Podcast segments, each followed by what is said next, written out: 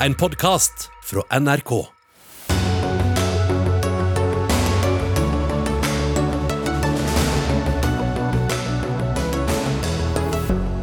Støtteordningene til næringslivet treffer ikke, sier NHOs Kristin Krohn Devold. Hun får svar av næringsministeren, som er på restaurantbesøk i Drammen. Før eller siden må vi ta inn over oss at koronaviruset er kommet for å bli. Og vi må få i gang et normalt samfunnsliv igjen, skriver en rekke leger. Tiden er ikke moden, svarer Helsedepartementet. Jens Stoltenberg søker på jobben som ny sjef for Norges Bank. Den bør han ikke få, mener en redaktør. Jo da, det bør han, skriver en kommentator. Og det må være mulig å bruke ull og være veganer samtidig, mener en altaværing som ikke ønsker å fryse. Nja, egentlig ikke, svarer Norsk Vegansamfunn. Du lytter til eller ser på Dagsnytt 18, hvor vi også skal diskutere norsk bistand. Mitt navn er Sigrid Solund. Det ble ingen jubelbrus fra næringslivet da regjeringa la frem støtteordningene for bransjen i dag. Full skjenkestopp kan føre til at mange barer og restauranter må stenge, og noen faller utenfor ordningene. Først til en av dem som frykter for framtida. Gudrun Hesla, du er eier av Ose høyfjellshotell på Golsfjellet, som har vært i familiens eie i 140 år. Hvordan slår disse nye tiltakene ut for din bedrift? Jeg tror vi må begynne på nytt, for jeg hørte deg ikke helt i begynnelsen her. Skal vi se om vi får opp lyden din også? Hører du meg nå? Nå hører vi deg, vet du. Ja, hvordan, ja. Ser det, hvordan ser framtida ut de nærmeste ukene for dere? Nei, Det er litt uoversiktlig. Eh, jeg skulle nok ønske at de tiltakene som ble nå iverksatt, var litt mer eh, lettfattelige. Eh, og det står ikke 100% klart for meg hvordan de her støtteordningene vil løse kortsiktige og langsiktige utfordringer som vi står i.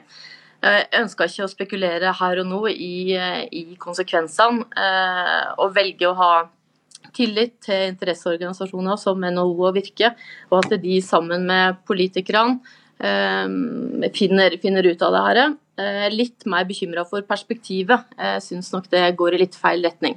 Men hva er det du sitter og regner på nå, da? Eh, nei, jeg sitter altså et hotellopphold. Folk har jo visse forventninger, og jeg ser at sånn som situasjonen er nå, så klarer jeg ikke med å eh, rett og slett eh, imøtekomme eller innfri de forventningene folk har. Eh, det, det, blir en ganske amputert opplevelse, og, og det, det, tenker jeg òg ikke er heldig på, på sikt. Det jeg syns er veldig viktig nå, er å få litt klarhet i hvordan tida blir videre. Altså Støtteordningen skal Eh, det, blir snakk om, snakk om november-desember. altså jeg tenker For bransjen så er det enda viktigere å, å vite litt mer hva kan, vi, hva kan vi forvente i neste kvartal. altså ifra, ifra, eh, nå ifra, ifra jul og fram, fram til gjerne fram mot påske. Uh, uforutsigbarheten er altfor stor, og det aller største problemet er personalet, altså folka. Uh, først og fremst personalet og gjestene våre. Hva kan, vi, hva kan de forvente, hva kan vi egentlig uh, levere? Mm. Næringsminister Jan Christian Vestre, hva skal bedriftseiere som Hesla gjøre? Ja, først og fremst vil Jeg bare si at jeg har veldig stor forståelse for frustrasjonen, for utmattelsen, for fortvilheten. fordi at uh, Dette er nå en situasjon som har vedvart uh, opp og ned i snart uh, to år. Vi hadde alle et håp om at vi nå var på vei ut av pandemien, og så kom en virusmutant som gjorde at vi ikke hadde noe annet valg enn å stramme inn smitteverntiltakene. Vi har ingen annen viktigere oppgave i næringspolitikken nå enn å trygge jobbene og bidra til at bedriftene våre kommer seg best mulig gjennom disse ukene. Derfor har vi i dag lansert kraftfulle økonomiske tiltak for å hjelpe bedriftene så godt vi kan. Redusere tapene, holde folk i jobb. Det jobbes intenst nå med en lønnsstøtteordning sammen med partene som skal komme på plass for å bidra til å hindre flest mulig permitteringer. Og så har vi vært veldig tydelige på at vi følger situasjonen tett. Vi skal stille opp for bedriftene, for næringslivet med økonomiske tiltak. Vi er villige til å gjøre mer dersom det er behov for det. Og vi har også sagt i dag at eh, vi kommer til å følge opp med tiltakene så lenge det er behov for det. Og Det betyr også at de eh, tiltakene vi har lansert i dag, vil eh, følge med så lenge smitteverntiltakene tilsier at det er behov for økonomisk hjelp fra staten. Du sa Hesla, at du setter din lit til, til bl.a. NHO, da, hvor du er medlem. Kristin Krohn Devold, du er administrerende direktør i NHO Reiseliv. og Dere kaller støtteordningen for en stor skuffelse, bl.a. for hvordan det slår ut for næringsdrivende som, som dette hotellet vi hørte, på, hva, hørte fra her. Hva er det som er så skuffende? Det kan jeg forklare, fordi vi har jo hele dag blitt nedringt av bedrifter. Og de er veldig tydelige på hva som er skuffende. Men jeg vil også begynne... Du må bare få opp mikrofonen din ordentlig her. Det var litt mange, mye lyd som var litt uh, inne her. Ja, ja nå, er det, nå er du med. Vi gjør et nytt forsøk. Vi, starter på nytt. Vi gjør et nytt forsøk. Da kan vi jo begynne med at det er hyggelig at Vestre sier at han er villig til å se på ordningene om de kan gjøres bedre. Og det er hyggelig at han sier at tiltakene skal vare så lenge pandemitiltakene varer. Det er veldig beroligende for mange. Men når det er sagt, så kan jeg bidra med å fortelle hva bedriftene er bekymra for. For vi har blitt nedringt i dag. Og Det ene de er bekymra for, det er at man slår sammen november måned, som var en veldig god måned, med desember måned, som var en elendig måned. Og Summen av dem to kan bety at man ikke får stort nok omsetningsfall til å komme altså i inn i ordninga. Ja. Så kompensasjonsordninga risikerer du ikke vil bli gjeldende for mange av dem som har svarte tall i eh, desember, fordi de hadde en god november. Det er den ene bekymringa. Den andre det er at det, dette året så har vi hatt fem måneder som har vært mer eller mindre stengt, og seks måneder som har vært åpen. Det gjør at veldig mange har klart å komme seg akkurat over den røde streken til et lite positivt overskudd ved å kutte beinhardt kostnader under nedstengning, og så få inn alt du kan av kunder etterpå. Da viser det seg at de vil også falle utenfor ordninga fordi de har et lite positivt overskudd, og blir sittende med hele regninga alene. Og så tar jeg ett eksempel ja, men, men bare for å følge opp det, Hvorfor skal skattebetalernes penger gå til å sponse bedrifter som faktisk går i pluss, selv om det er bare et lite pluss? Da vil jeg fortelle hva denne ordninga heter, eller hva den het til å begynne med. og Det var en kompensasjonsordning for tapt omsetning. Og Det var hele poenget. At Hvis du som bedrift kunne fått inn veldig mange penger hvis du fikk lov å holde åpent, så er det et tap for bedriften, selv om sluttsummen gjør at du går i pluss. Så det er tapt omsetning man kompenseres for. Og da er det sånn her i verden at når det er staten som sier at du får ikke lov å fylle på kontoen din i desember, slik at du kan betale de statlige lånene, slik at du kan betale ned banken din, da må staten kompensere. Og det er veldig trist hvis et stort antall bedrifter, kanskje flertallet av bedriftene, ikke får benytta kompensasjonsordninga, da vil det jo ikke virke. Vi lar Vestre få svare på den før du kommer til det tredje punktet ditt, eh, Vestre. Hvorfor skal man på sett og vis straffe bedriftene for å klare å holde utgiftene nede? Nei, Det er ingen bedrifter som skal eh, straffes eh, for det. Men vi er veldig avhengig av at eh, kompensasjonsordningene har tillit også i folket. Og vi vet fra tidligere ordninger at en del bedrifter har hatt en del store overskudd, og også hatt mulighet til å betale ut relativt rause utbytter til sine eiere, og fremdeles da fått kontantstøtte gjennom de statlige ordningene, som er skattebetalernes penger. Det er heller ikke sikkert at næringslivet er tjent med det. og derfor så har vi hatt dialog med partene, også NHO, og varslet om at vi ville se på dette. og Derfor så sier vi nå at de bedriftene som nå mottar den nasjonale kompensasjonsordningen, der vil det ikke være mulig å ta ut utbytte. og Det er også da for bedrifter som har reelle underskudd, rett og slett fordi at det er det ordningen er ment til å dekke. Og så synes jeg at vi ikke bare skal snakke om denne ordningen, fordi at det er jo viktig å få fram at vi stiller opp med mange andre ordninger for næringslivet også. Den kommunale kompensasjonsordningen ordningen styrkes med 1 milliard kroner. Akkurat nå er jeg på en restaurant i Drammen som eh, holder åpent, men som opplever store utfordringer. De sier de har hatt stor glede av den kommunale kompensasjonsordningen, har vært viktig for dem i år. Den styrker vi nå kraftfullt. Vi sier til eh, bedrifter som blir nødt til å stenge ned, og som da er redd for varelagrene sine, det kan være ribbe eller annen mat som går ut på dato, der er vi villige til å ta 100% av kostnaden for eh, varer som må kastes kastes. Og I tillegg så stiller vi opp for eh, arrangementsbransjen, eventbransjen, gjør en masse andre tiltak. Og lønnsstøtteordning kommer på toppen av ja, dette. Som ikke vi vet helt hvordan ser ut ennå. Det er en kraftfull tiltak. Ok, bare for å høre, men, men, men vent, vent, litt, Vestre. Vi skal bare høre fra, fra Hesla. Altså, hvordan, for Dere har vel også forsøkt å holde dere, altså unngå tap. Men hvordan, hvordan uh, har dere jobba for å prøve å uh, ikke havne på minussida? Og hvordan slår dette ut for dere nå da, i, i denne ordningen som vi snakker om nå? Altså, jeg syns det langsiktige perspektivet er masse viktigere enn det kortsiktige. Jeg syns det blir litt feil å ha fokus på ribbe. Den er snart spist opp. Ehm, jeg tenker det det som er veldig viktig nå, er å ta vare på folka og, og finne altså Vi er helt nødt til å bli konkurransedyktige i vår bransje i forhold til å rekruttere kompetente folk, og de er vi faktisk i ferd med å miste. Så det å finne ordninger som kan gi oss eh, litt lengre perspektiv og mulighet til å planlegge, er det vi trenger nå. Altså, jeg er sikker på at de her ordningene de, de tror jeg de kommer til å få på plass på altså med, med interesseorganisasjonene sin hjelp. Men, men må, nå må en ha fokus på ansatte og, hjelp, og gi oss hjelp til å beholde kompetansen i næringen. For hvis vi ikke har de, så, så har vi ingen framtid, rett og slett. Ok, Det var først. Ja, Det har du selvfølgelig helt rett i. og Aldri har vel bedriftslederne vært så tydelige på at de ønsker å beholde de ansatte. De har vært permittert, mange av dem opp i 18 måneder før, så man orker faktisk ikke å permittere folk en gang til. og Derfor er denne lønnsstøtteordninga så viktig.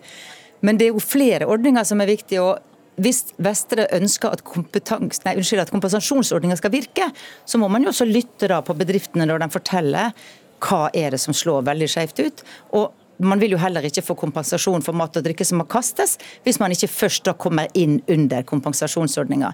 Men så tilbake til lønnsstøtteordninga.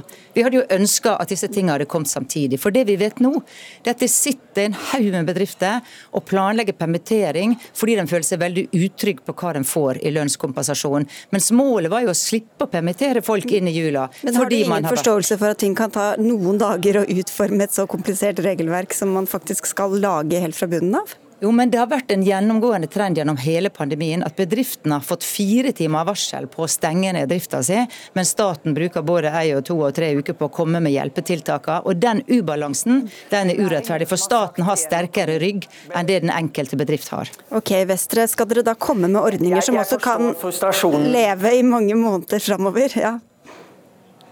Vi håper at uh, denne situasjonen uh, går over uh, mye raskere enn sist. Og så har jeg stor forståelse for frustrasjonen. Jeg kommer selv fra små og mellomstor bedrift. Jeg vet hvor viktig det er for bedriftsledere og eiere å ta vare på arbeidsfolkene sine. Det er som en familie. Jeg forstår nå at mange ligger oppe om nettene og lurer på hvordan de skal håndtere dette. Derfor så stiller vi opp. Men jeg syns også NHO skal bidra til litt edruelighet i debatten, og ikke skape et skremmebilde som det ikke er grunnlag for. Vi sa allerede på fredag at det kommer en lønnsstøtteordning. Da var den ment å være innrettet mot de smitteverntiltakene som gjaldt da, der vi så for oss relativt få permitterte. Så fikk vi altså råd fra Folkehelseinstituttet og Helsedirektoratet gjennom helgen at det ville være behov for kraftige innstramminger på smitteverntiltakene. De besluttet regjeringen i går. I dag legger vi fram kraftige økonomiske tiltak for å hjelpe bedriftene våre. I det landskapet må vi sikre at lønnsstøtte Støtteordningen er effektfull, at den er kraftfull og at den faktisk treffer. og Vi må gjøre det på første okay. forsøk. og Derfor så sitter vi jo på tvers av departementene sammen med NHO og LO nå for å utforme denne ordningen, og den kommer så snart vi har den på plass. Og Da håper vi jo at bedriftene som vurderer om de skal sende permitteringsvarsel eller ikke, ser at lønnsstøtteordningen vil fungere, og at det kan bidra til å holde antallet permitterte på et lavt nivå. Det får vi se på, men vi må dessverre sette strek, for vi skal snakke om arbeidstakerne også. Takk skal dere ha alle tre Kristin Krohn Devold, Jan Christian Vestre og Gudrun Hesland.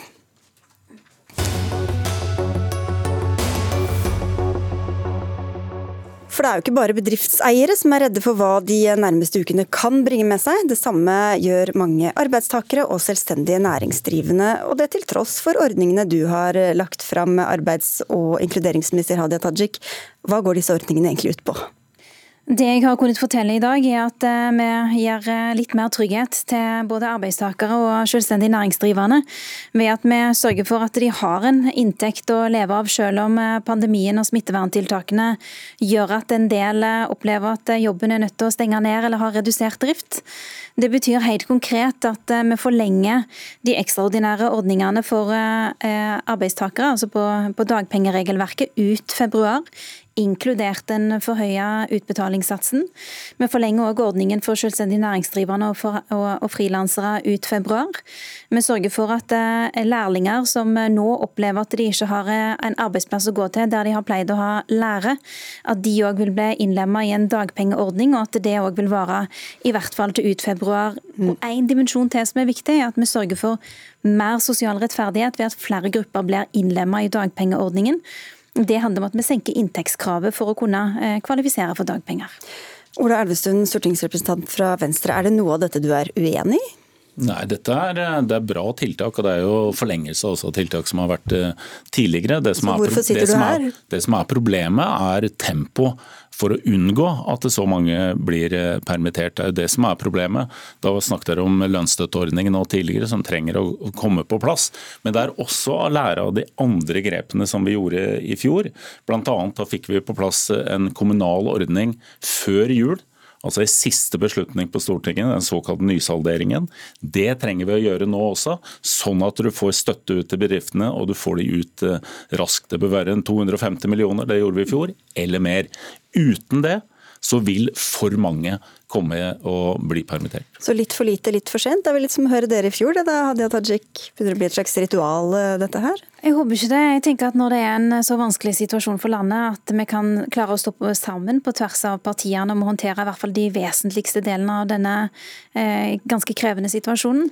Men når det gjelder kompensasjonsordninger, så er det en rekke økonomiske tiltak som nå har blitt eh, gjort tilgjengelig. Eh, noe er jo det på mitt felt, som jeg akkurat gjorde rede for. Men noe annet er jo kompensasjonsordningen for bedriftene, som dere nettopp eh, hadde en runde med næringsministeren om. Men i tillegg så har det òg blitt varsla at eh, kompensasjonsordning knytta til kulturliv, knytta til eh, kommunesektoren er ting som er gjort og vil bli gjort tilgjengelig. Og så sier Du du, du er enig i alle tiltakene, Elvestuen, men hvor fort mener du man kan lage treffsikre ordninger som treffer akkurat dem de skal treffe, og ikke alle andre, ikke kan utnyttes, ikke kan misbrukes? Det er tre ting du trenger å gjøre nå for å unngå at man kommer i den situasjonen. Det er å få ut penger før jul. Det klarte vi å gjøre med det blå-grønne flertallet i fjor. Det må vi klare også i år. Det er den kommunale ordningen. Den kan ikke komme i midten av januar eller da i begynnelsen av februar. Da kommer den for seint. Det andre er lønnsstøtteordningen. Det tredje er også å se på Jeg vet ikke om regjeringen har vært i kontakt med LO og NHO hvor, hvorvidt man kan endre eller forlenge den såkalte avbruddsordningen som man gjorde, man gjorde, i vår. Nemlig at man, bedrifter som tidligere har blitt eh, nedstekt, slipper å betale en ny arbeidsgiverperiode med ny nedstengning. Det, mm. det vil hjelpe bedrifter nå. Eh, det er også en av de mulighetene som man har, og det er den eneste måten å gjøre det i et samarbeid med LO og NHO. La oss ta disse tre tingene.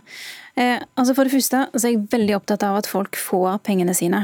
Derfor så har jeg sørga for at eh, Nav for eksempel, nå har en hjemmel til en forskutteringsordning for dagpenger, sånn at man raskt får de pengene ut når det er snakk om folk som trenger det.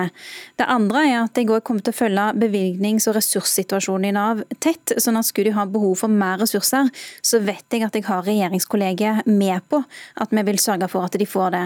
Det andre som eh, Elvestuen tar opp, handler om lønnsstøtte ordningen den er vi allerede i gang med. Næringsministeren jobber tett sammen med partene i arbeidslivet på det, og de har innvilga seg en uke til å jobbe fram detaljene i det. Det tredje han tar opp er jo arbeidsgiverperioden knytta til permitteringsregelverket.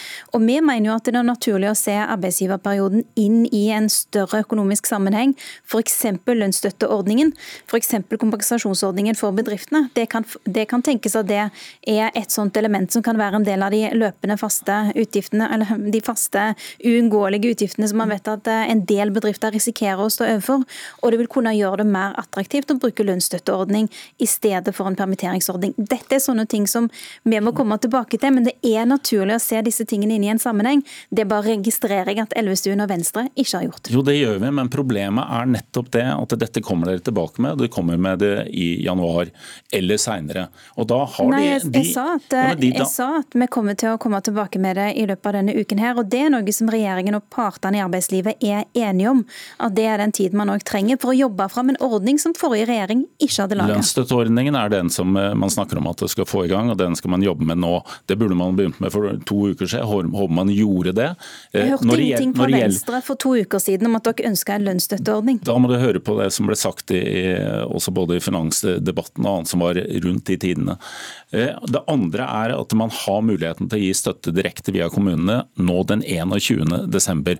Det klarte vi i fjor, det trenger vi å gjøre i år. Foreløpig så sier bare regjeringen at de har en milliard til kommunene, men ingenting om når dette kommer. Det trenger vi å ha på plass før jul, og det kan vi gjøre også i år. Når det gjelder jo, for, bedrifter de, som altså, tidligere det, De faktiske utbetalingene, Tajik? I den ordningen som Elvestuen snakker om. Jeg går litt surr i alle forskjellige ordninger. Ja, det er en rekke ordninger, altså det skjønner jeg veldig godt. Men vi er opptatt av at eh, både folk og bedrifter skal få de pengene som de både har krav på og som de trenger innenfor disse ordningene. Eh, og vi jobber med å få disse pengene ut raskt. Og for Nav sin del så har jeg som sagt sørga for at de har en hjemmel for å forskuttere dagpenger. Men der må folk søke. Det, så, ja. Dette er jo for å unngå at de kommer på dagpenger. Du har bedrifter nå i utelivsbransjen som sliter med å betale lønna til de de har ansatt. De, særlig de mindre aktørene, de trenger å få den støtten. Den eh, kommunale ordningen den virka veldig godt i fjor. Du fikk pengene ut i løpet av et par uker. Den muligheten er her også i dag, men da må regjeringspartiene være villige til å gjøre det. Kommunale ordningen har vi allerede varsla at eh, vi er i gang med. Altså, det er ikke sånn at Elvestuen nå etterlyser ting som ikke er i gang. Han etterlyser ting som faktisk er i gang. Men, det, men, det, han lar være å gjøre, det er å komme med nyttige, konkrete, konstruktive innspill til hvordan f.eks. en sånn uh, lønnsstøtteordning, som vil være et nybrottsarbeid å lage, hvordan den faktisk kan se ut. Mens regjeringa tar det arbeidet på alvor, har satt oss ned med partene og vil være med på å utvikle det. Men du må gjøre de to andre tingene. altså Pengene trenger å komme ut nå, de trenger å gjøre det før jul, og det må dere klare. Det klarte vi i fjor. Og det andre det er at sammen med partene så må dere også klare å unngå at ti bedrifter som okay. er tidligere har vært nedstengt, også må betale arbeidsgiverperiode. Og da kan jeg med lett hjerte si takk for at dere kom, begge to. Hadia Tajik og Ola Elvestuen.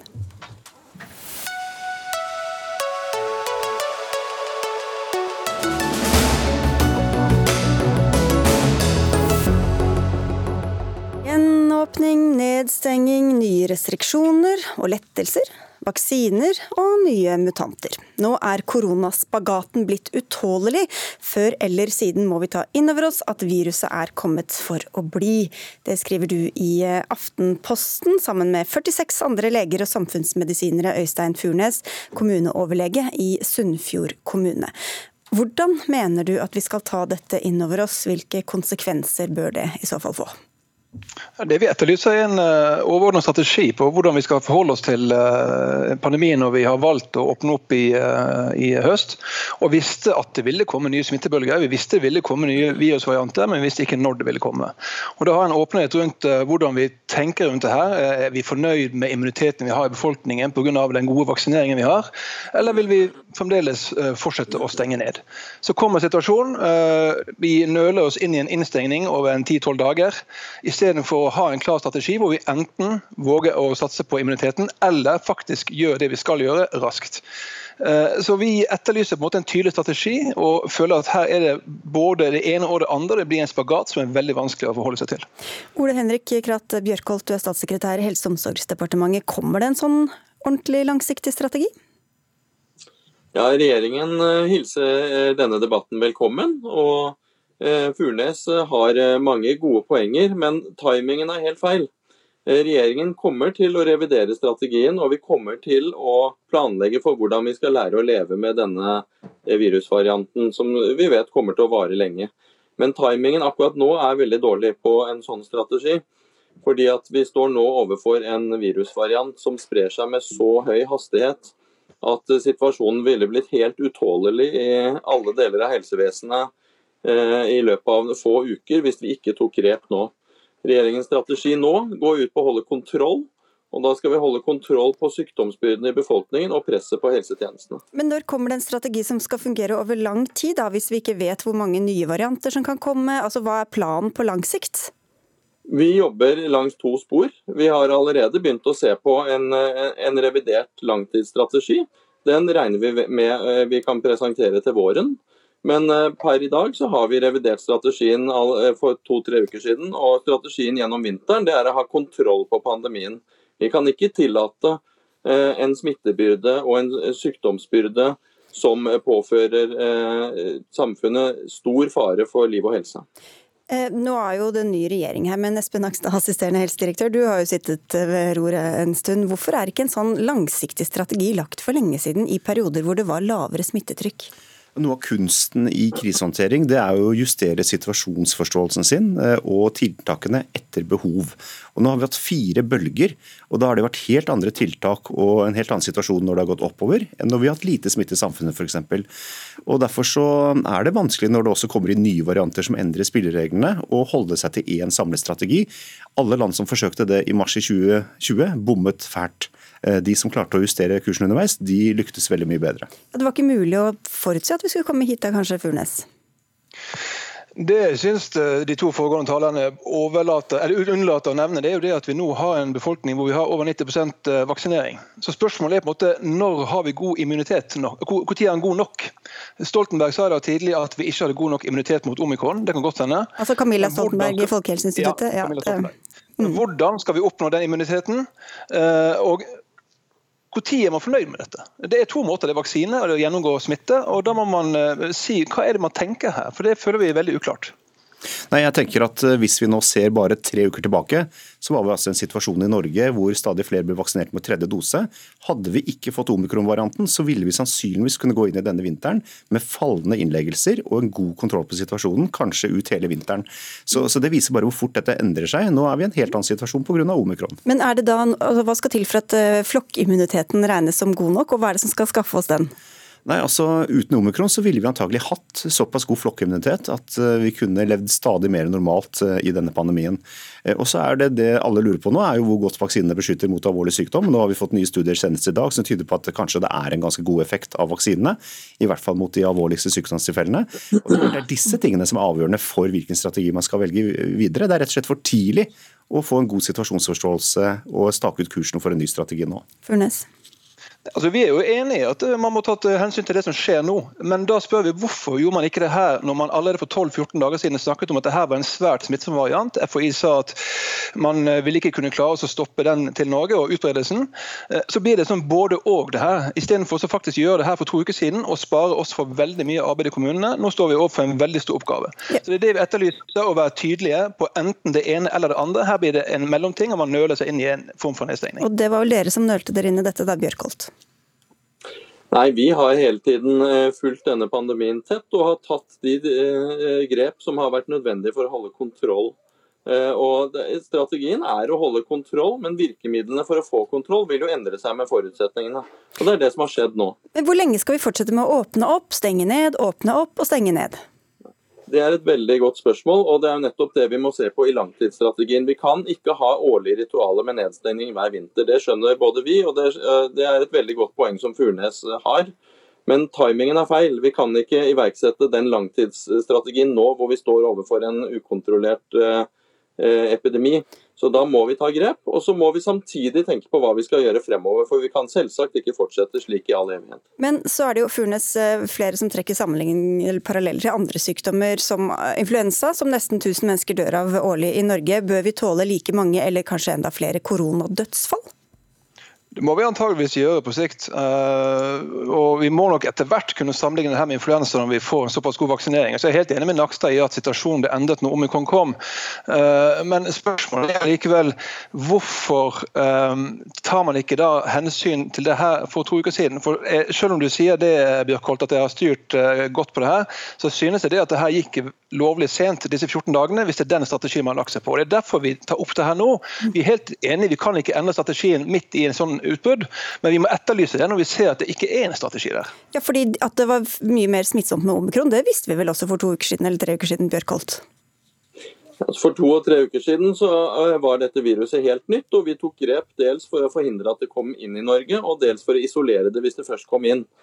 Eh, og så må vi hele tiden gjøre forholdsmessighetsvurderinger. Vi kan ikke innføre så inngripende tiltak som dette her av ren sånn forebyggende i tilfelle det skulle bre seg enda raskere enn vi trodde. Så Vi har hele tiden måttet gjøre de avveiningene hvor stor skade gjør tiltakene, kontra hvor stor nytte gjør tiltakene. Furnes. Eh, når, når det Furnes å svare på det. Vi har jo vært igjennom alfa og delta før. Da, og vi så det at Skal vi gjøre noe, så må det skje raskt. Altså. Og klart På 14 dager så har vi rukket å smitte veldig mange, og vi står med en veldig vanskelig situasjon i kommunene nå. Bjørkholt. Ja, nei, altså, eh, For 14 dager siden var det i all hovedsak delta-varianten som eh, forårsaket smittetrykket i landet. og Da var vi godt vaksinert, sånn som Furnes selv påpeker. Og Forholdsmessighetsvurderingen i hva vi kan gjøre, vil selvsagt være annerledes når du har en godt vaksinert befolkning, enn når du ikke har det sånn som du hadde i 2020. Men Espen Nakstad, da smittetrykket var lavere tidligere i år, hvordan eh, forberedte dere da på at man kunne, som dere jo visste, at det kunne komme nye, mer smittsomme varianter av viruset? Ja, det vi jobbet mye med gjennom hele sommeren og høsten, det var jo å opprettholde en TISK-kapasitet, særlig dette med hurtigtester. Vi kjøpte inn millioner hurtigtester og la opp til et system hvor vi skulle fortsette å teste mange, og signaliserte til kommunene og laboratoriene på sykehusene at man skal fortsatt kunne analysere prøver og ta prøver av 5% av befolkningen på en uke. Det har vi opprettholdt hele høsten, og det er vi veldig glad for nå, for vi så vi fikk behov for det. Men så er det klart at veldig mange andre ting ble bygget ned. TISK-arbeidet ble nedjustert. Det var mye som skjedde fordi man stolte mye på vaksinen i alle land. Eh, men det å ha en god beredskap betyr også at man kan snu seg rundt raskt hvis det kreves. Og det har jo eh, siste uker vist. Men var det feil å åpne samfunnet da vi gjorde det? Jeg tror ikke det var feil, for jeg tror eh, det er ikke forholdsmessig å ha strenge tiltak når det er lite smitte. Eh, og det er nødvendig for en befolkning også å kunne slappe litt av og leve normalt når det ikke er noen grunn til å leve annerledes. Men det krever at man må justere kursen raskt når det endrer seg. Og der har jo alle land en utfordring, selvsagt. fordi dette er jo tunge beslutninger politisk, også i kommuner. Det får konsekvenser. og Derfor så tar det ofte litt tid, og ofte så stiger smitten kanskje litt mer enn det man ønsker, litt raskere når man kommer i en sånn fase. Og først til våren, Bjørkholt, får vi altså vite hvordan vi kan se for oss framtida de nærmeste årene? Vi kommer til å jobbe kontinuerlig med dette her. Men, eh, men dette skal være en, en, en, plan vi skal kunne leve med i lang tid. Så gjennom vinteren så er det kontrollstrategien som, eh, som er gjeldende. Og så må vi tenke på en langtidsstrategi eh, parallelt med det. Så vi må jobbe langs to spor. Takk skal dere ha alle tre. Øystein Furnes kommuneoverlege i Sunnfjord, Ole Henrik Ratt Bjørkholt, statssekretær i Helse- og omsorgsdepartementet, og Espen Rostrup Nakstad, assisterende helsedirektør.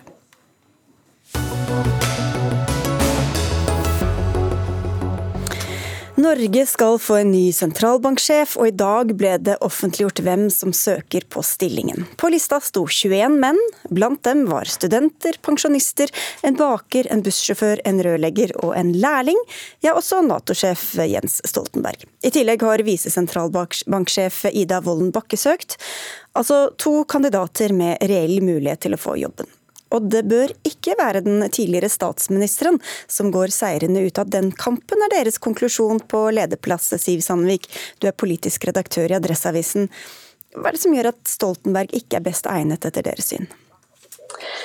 Eh, for eh, oss eh, så handler ikke det om Stoltenberg er en dyktig fagøkonom eller har gode personlige egenskaper og god kjennskap til norsk og internasjonal politikk.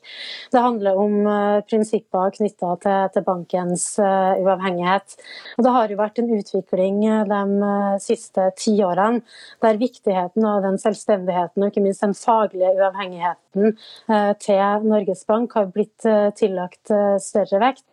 Og ved å velge en person som Jens Stoltenberg, som har vært helt avgjørende i utforminga av eh, økonomisk politikk i det, i det, landet her de siste ti årene, eh, som er en markant skikkelse i det politiske Norge, og som for mange er selveste liksom, mister Arbeiderparti, så vil det så tvil om den faglige uavhengigheten til mm. banken og derfor er han feil person.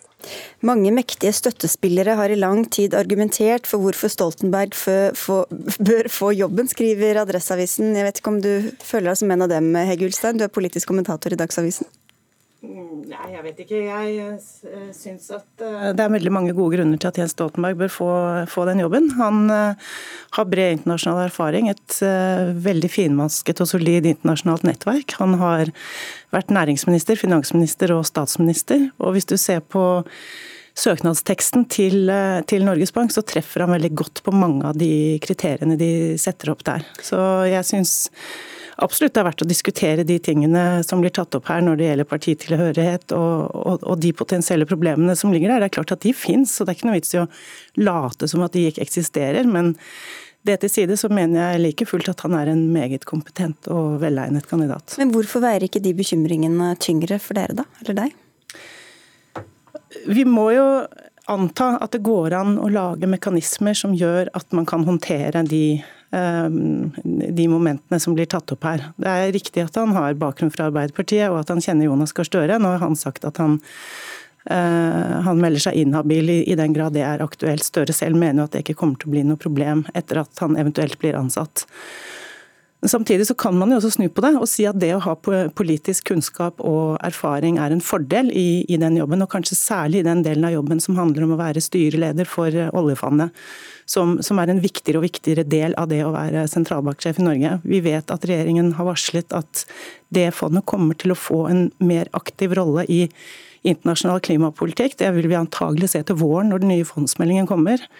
Jonas Gahr Støre sa jo i Glasgow at eh, de ønsker å innrette oljefondet mer i en grønn retning, fordi de ser at det å ta hensyn til klimarisiko vil være den korteste veien til eh, en best mulig forvaltning av det fondet. Og Da tror jeg at den kompetansen eh, Stoltenberg sitter på, både når det gjelder hans fortid som klimapolitiker internasjonalt og nasjonalt, og som finansminister og statsminister, vil være veldig kjærkomment i den rollen. Men til dine bekymringer, da, Sandvik. altså, mulige interessekonflikter er kartlagt. Alle kjenner jo til disse båndene. Hvorfor stoler ikke du på at systemet tar seg av det? For meg så handler det ikke om eh, jeg stoler på eh, Jens Stoltenberg sin etiske eh, vurderingsevne. Men jeg tenker at i spørsmålet om habilitet og inntrykk av opplevd uavhengighet, så er en etterlatt inntrykk eh, ganske viktig.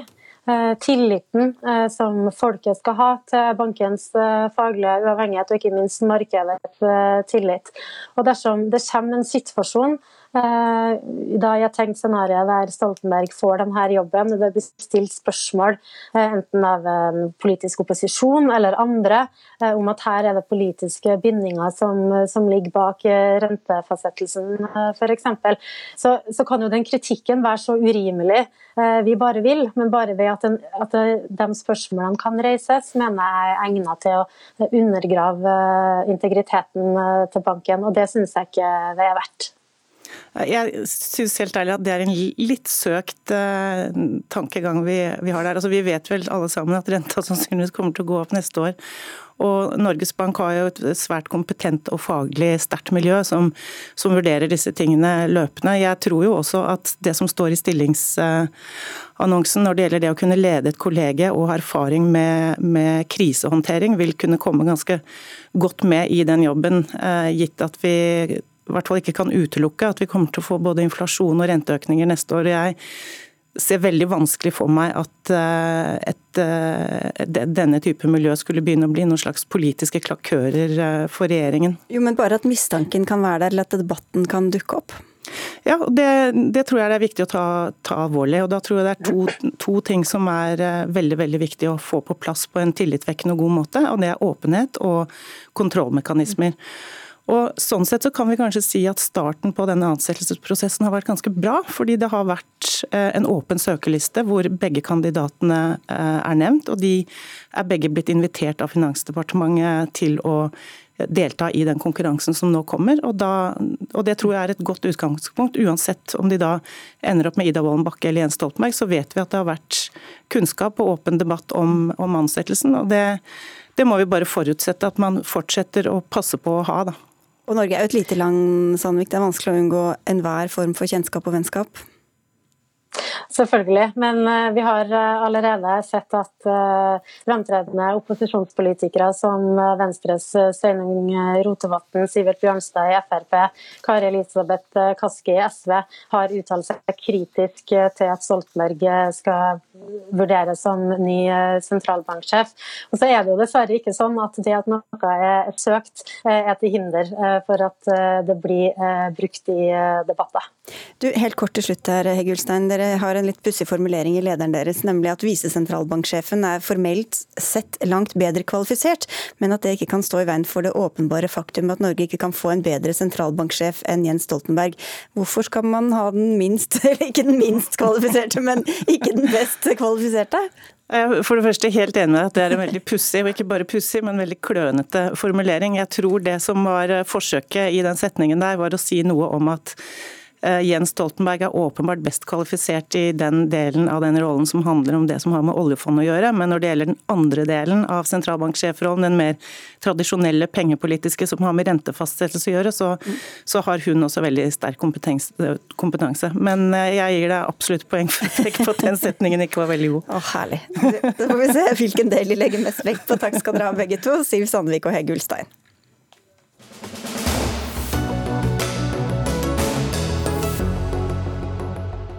Ja, Norge som jeg nettopp sa, er et lite land, men en gigant i internasjonal bistand. Og årlig gir vi flere milliarder kroner til fattigdomsreduserende og demokratibyggende tiltak. Vi har faktisk aldri gitt mer penger i bistand enn vi gjorde i fjor. Men nå slår en ny rapport fra Riksrevisjonen fast at flere fond ikke kan dokumentere at bistanden når menneskene den er ment for, og at det er uvisst om bistanden er kostnadseffektiv. Ingen fra Riksrevisjonen kunne komme hit, men du kaller rapporten en totalslakt av norsk bistandspolitikk. Christian Tybring-Gjedde, du er stortingsrepresentant for Fremskrittspartiet og sitter i utenriks- og forsvarskomiteen. Hvorfor er det grunnlag for å oppsummere på den måten, mener du? Ja, Dette er den, eh, kanskje den fremste rapporten vi har hatt de siste årene som virkelig går inn i bistandsproblematikken. Det er for mange land, det er for mye administrasjonskostnader, det er veldig uklare mål. Eh, det sløses bort penger både her og der. Det er altfor mange land. Altså det, det, er alle områder, eh, steg for steg. Jeg sitter her med noen altså, Hele rapporten er en knusende dom over norsk bistandspolitikk. Det blir ikke bedre. Eh, og hvis vi kan summere opp en sånn status norsk, eh, etter norsk bistand i dag, bare for å si hvordan det har blitt i verden. Det er flere som sulter, flere fattige, mer korrupsjon, mer krig, mer terror, flere flyktninger, mindre demokrati, større befolkningsvekst og mindre frihet for kvinner. Og Alt dette er en del av norske målene, og vi har ikke nådd noe som helst. Det har blitt verre og ikke bedre. Anne Beate Tvinnereim, du er utviklingsminister. En totalslakt, er du enig i denne oppsummeringa fra Fremskrittspartiet? Nei, det er jeg virkelig ikke. Eh, jeg synes at Riksrevisjonens eh, konklusjoner er viktige å se på og interessante, men, men, de går jo inn i noen ytterst få av de globale fondene som Norge har støtta. Og så må jeg få lov til å nevne da at uh, bruken av globale fond, som da er dette som uh, Riksrevisjonen påpeker, det er jo noe som har tatt seg drastisk opp og blitt brukt veldig mye mer under de årene som Frp har fått lov til å påvirke norsk politikk. Så, så her syns jeg virkelig Tybring-Gjedde tar altfor store ord i sin munn. Uh, men så er jeg også den første til å si at vi som er opptatt av norsk bistand, og at vi skal bidra solidarisk til utvikling i verden, vi skal være de første til å lytte til til kritikk og konstruktiv kritikk, og, eh, og, gå i oss selv. Fordi at det er jo eh, Nå er det ikke norsk bistands skyld at eh, ikke verden har kommet lenger i å nå utviklingsmålet. Vi har bidratt substansielt, men dessverre så går det i feil retning. Men hvorfor stilles det ikke strengere krav til dokumentert effekt av så stor pengebruk? Det stilles veldig strenge krav til dokumentert effekt. Eh, Riksrevisjonen har sett på noen eh, eh, altså et, et, fåtall, det var vel fire fond, hvis jeg husker riktig, eh, av mange titalls fond som Norge bidrar til. Og de store, tunge fondene som Norge er inne på, eh, i regi av bl.a. Verdensbanken, de er veldig kostnadseffektive. Eh, men, eh, men eh, Tybring-Gjedde slår litt opp, åpne dører her når det gjelder dette med fondsbruk. fordi I Hurdalsplattformen så slår jo regjeringa fast at vi ønsker å ha en kritisk gjennomgang av bruken av globale fond. Nettopp fordi at den forrige regjeringa brukte det kanskje noe ukritisk. Ok, Jeg tror ikke du nødvendigvis var enig i den forrige regjeringas pengebruk heller, til Bringede, men bare, bare, det å si at, liksom, at, verden har gått i feil retning, det kunne kanskje gått i enda verre retning da, hvis ikke Norge hadde bidratt med bistand? Det, det skulle du ikke se bort ifra, men altså, bistand er altså hjelp til selvhjelp. Det vil si at du skal gi hjelp slik at folk kan klare seg selv. Og når vi har hatt en utvikling nå hvor denne hjelpen ikke fører til at folk klarer seg selv Jeg spurte øh, den forrige utviklingsministeren om hvor mange land er nå uavhengig av bistand siden vi begynte. Der fant bare Sør-Korea.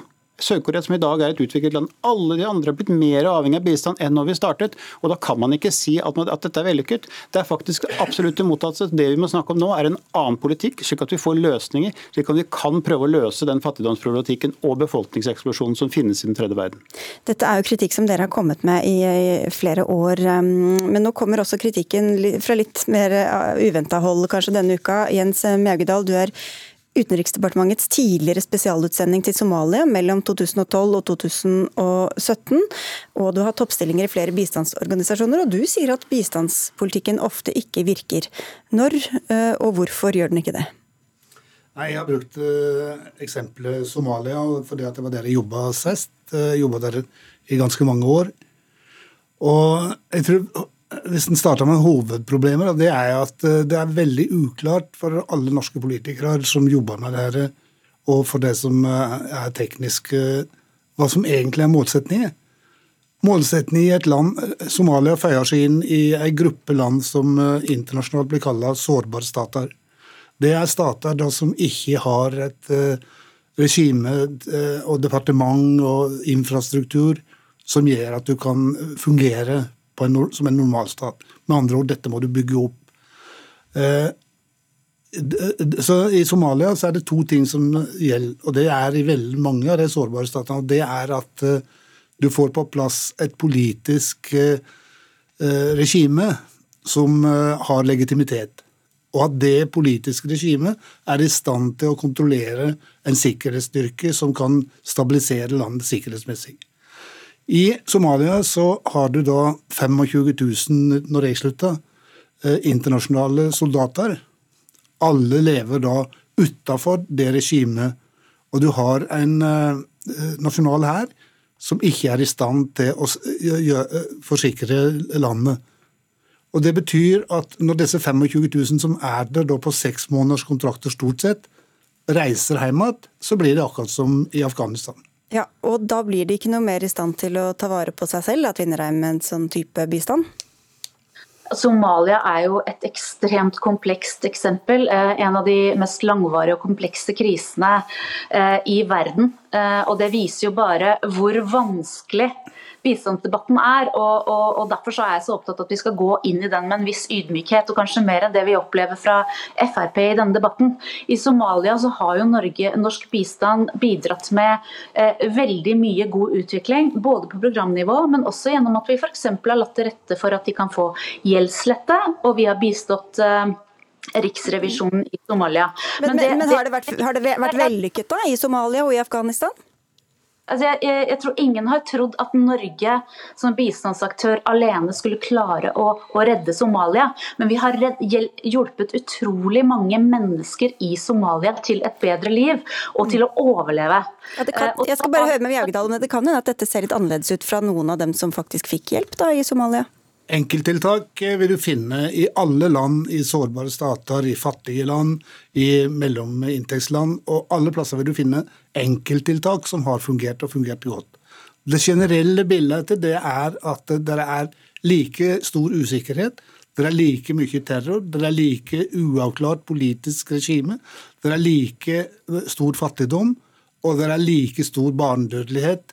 Og alt dette er som det var. Er du sikker på at det er fortsatt Nå er det jo noen år siden du var der, da. At, at det er samme som gjelder den dag i dag? Det kan godt hende at det har blitt veldig mye verre etter det i slutta. Det kan hende. Men Tybring-Gjedde, dere snakker mye om at dere vil hjelpe folk eh, der de er. Hvordan skal dere gjøre det, da? Altså først så tror jeg vi må stille annerledes resultatmål. Du er nødt til å eh, ikke gjøre som i dag, hvor vi driver og har demokrati og institusjonsbygging osv. som mål.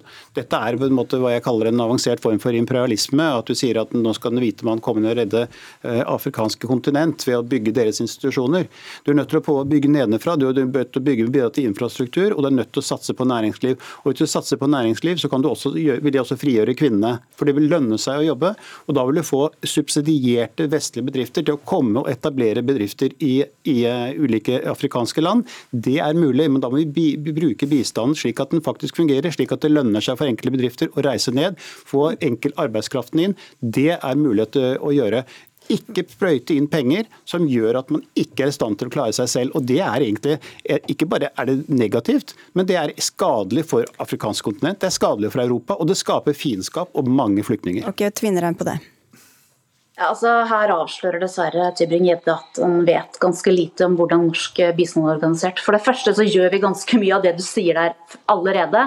Og resultat, resultatorganiseringen av norsk bistand er meget uh, god. Og det er ikke sånn at vi bare finner på noe i det norske bistandssystemet. Tybring-Gjedde.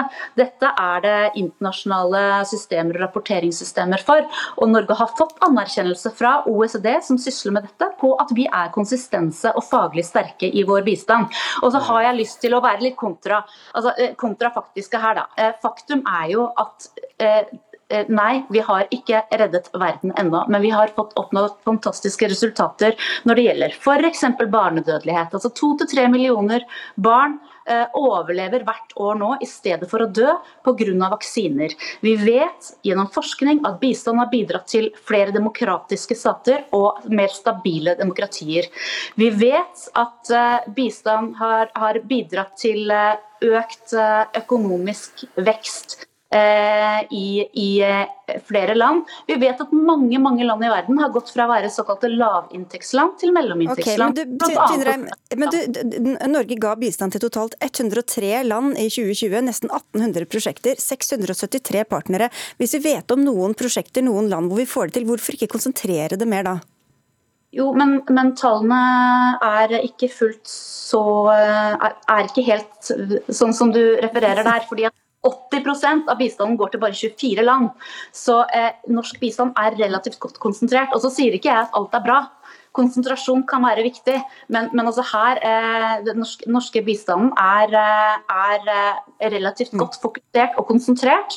Men så er jeg enig, vi skal se på bruken av globale fond, vi skal se på innretningen, eh, og vi skal ikke tro at all bistand er god bistand. Vi skal ha en veldig kritisk blikk på det hele tiden. Ok, Mjaugedal, ditt tips her?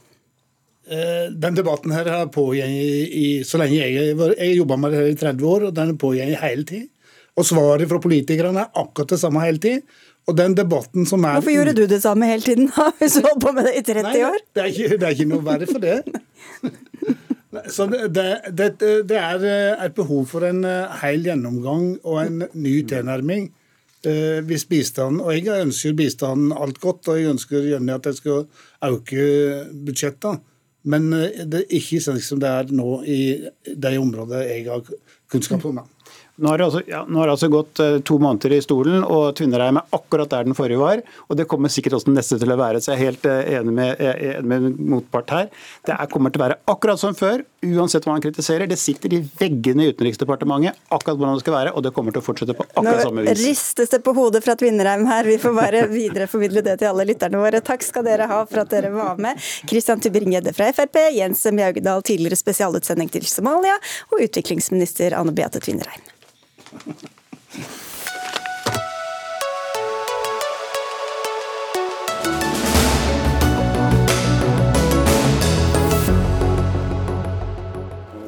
Vil du leve en vegansk livsstil, må du holde deg langt unna kumelk og fisk og kjøtt og ost. Det sier jo seg selv. Men hva med skinnsko og ullgensere, er det innafor?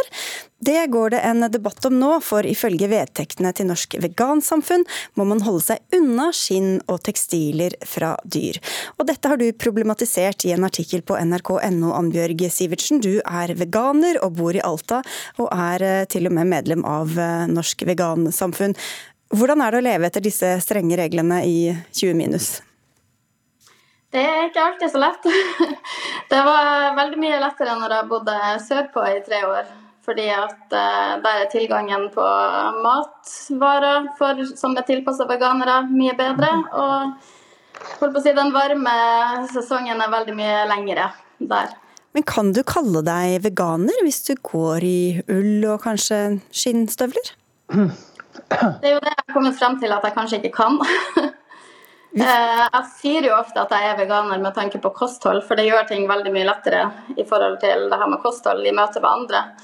Men eh, med tanke på ullbruk og det at jeg har både reinskinn og saueskinn og skinnsko og dunjakke, gjør jo at jeg kanskje ikke kan kalle meg veganer.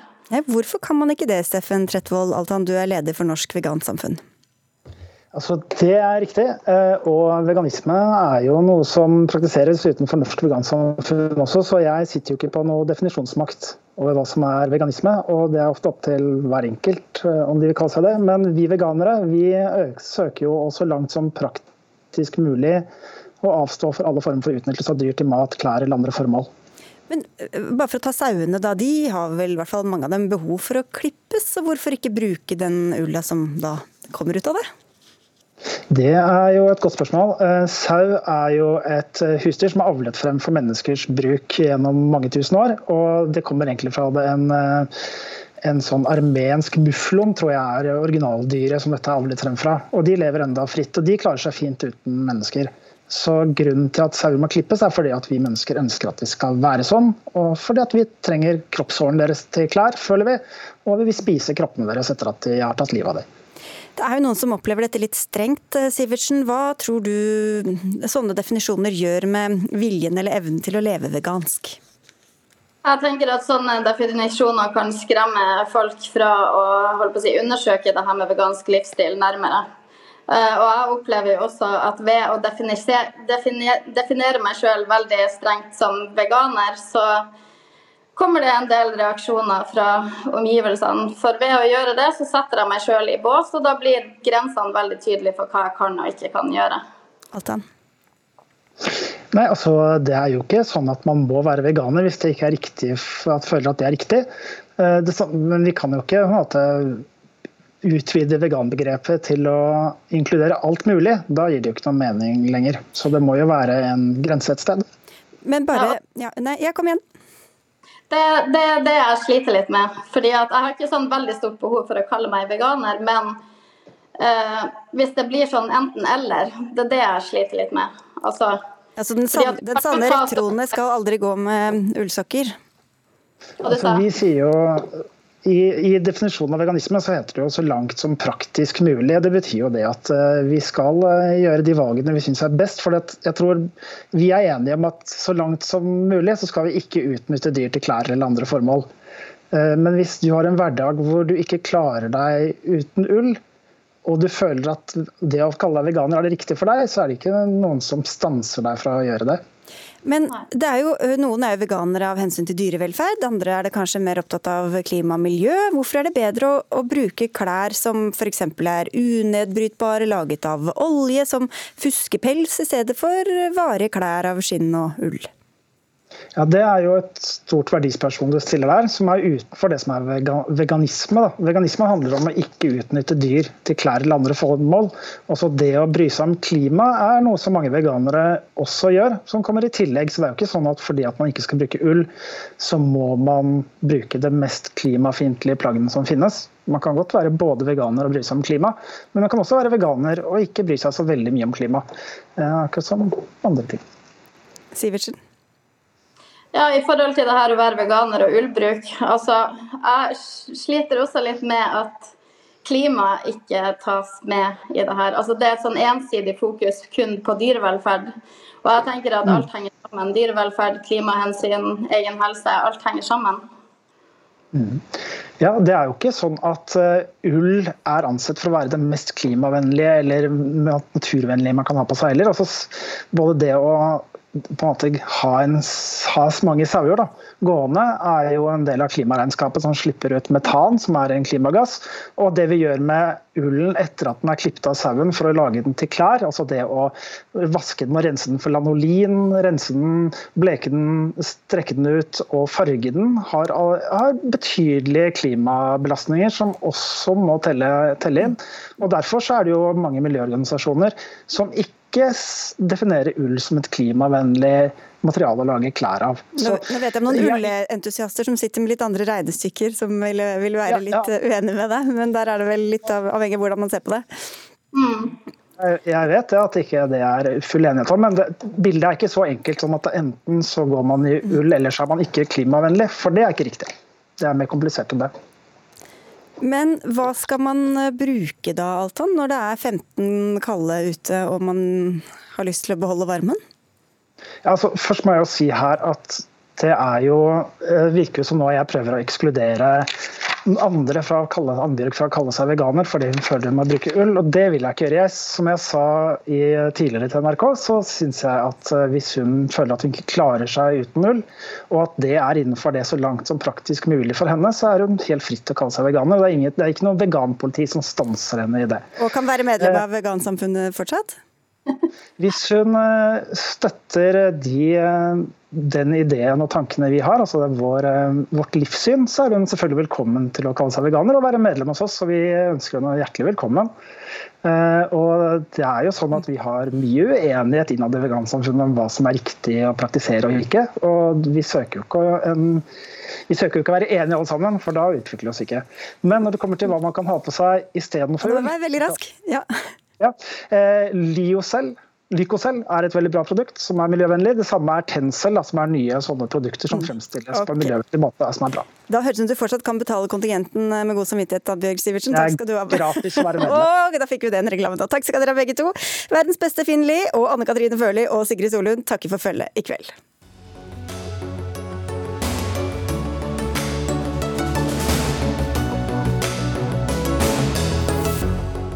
Du har hørt en podkast fra NRK.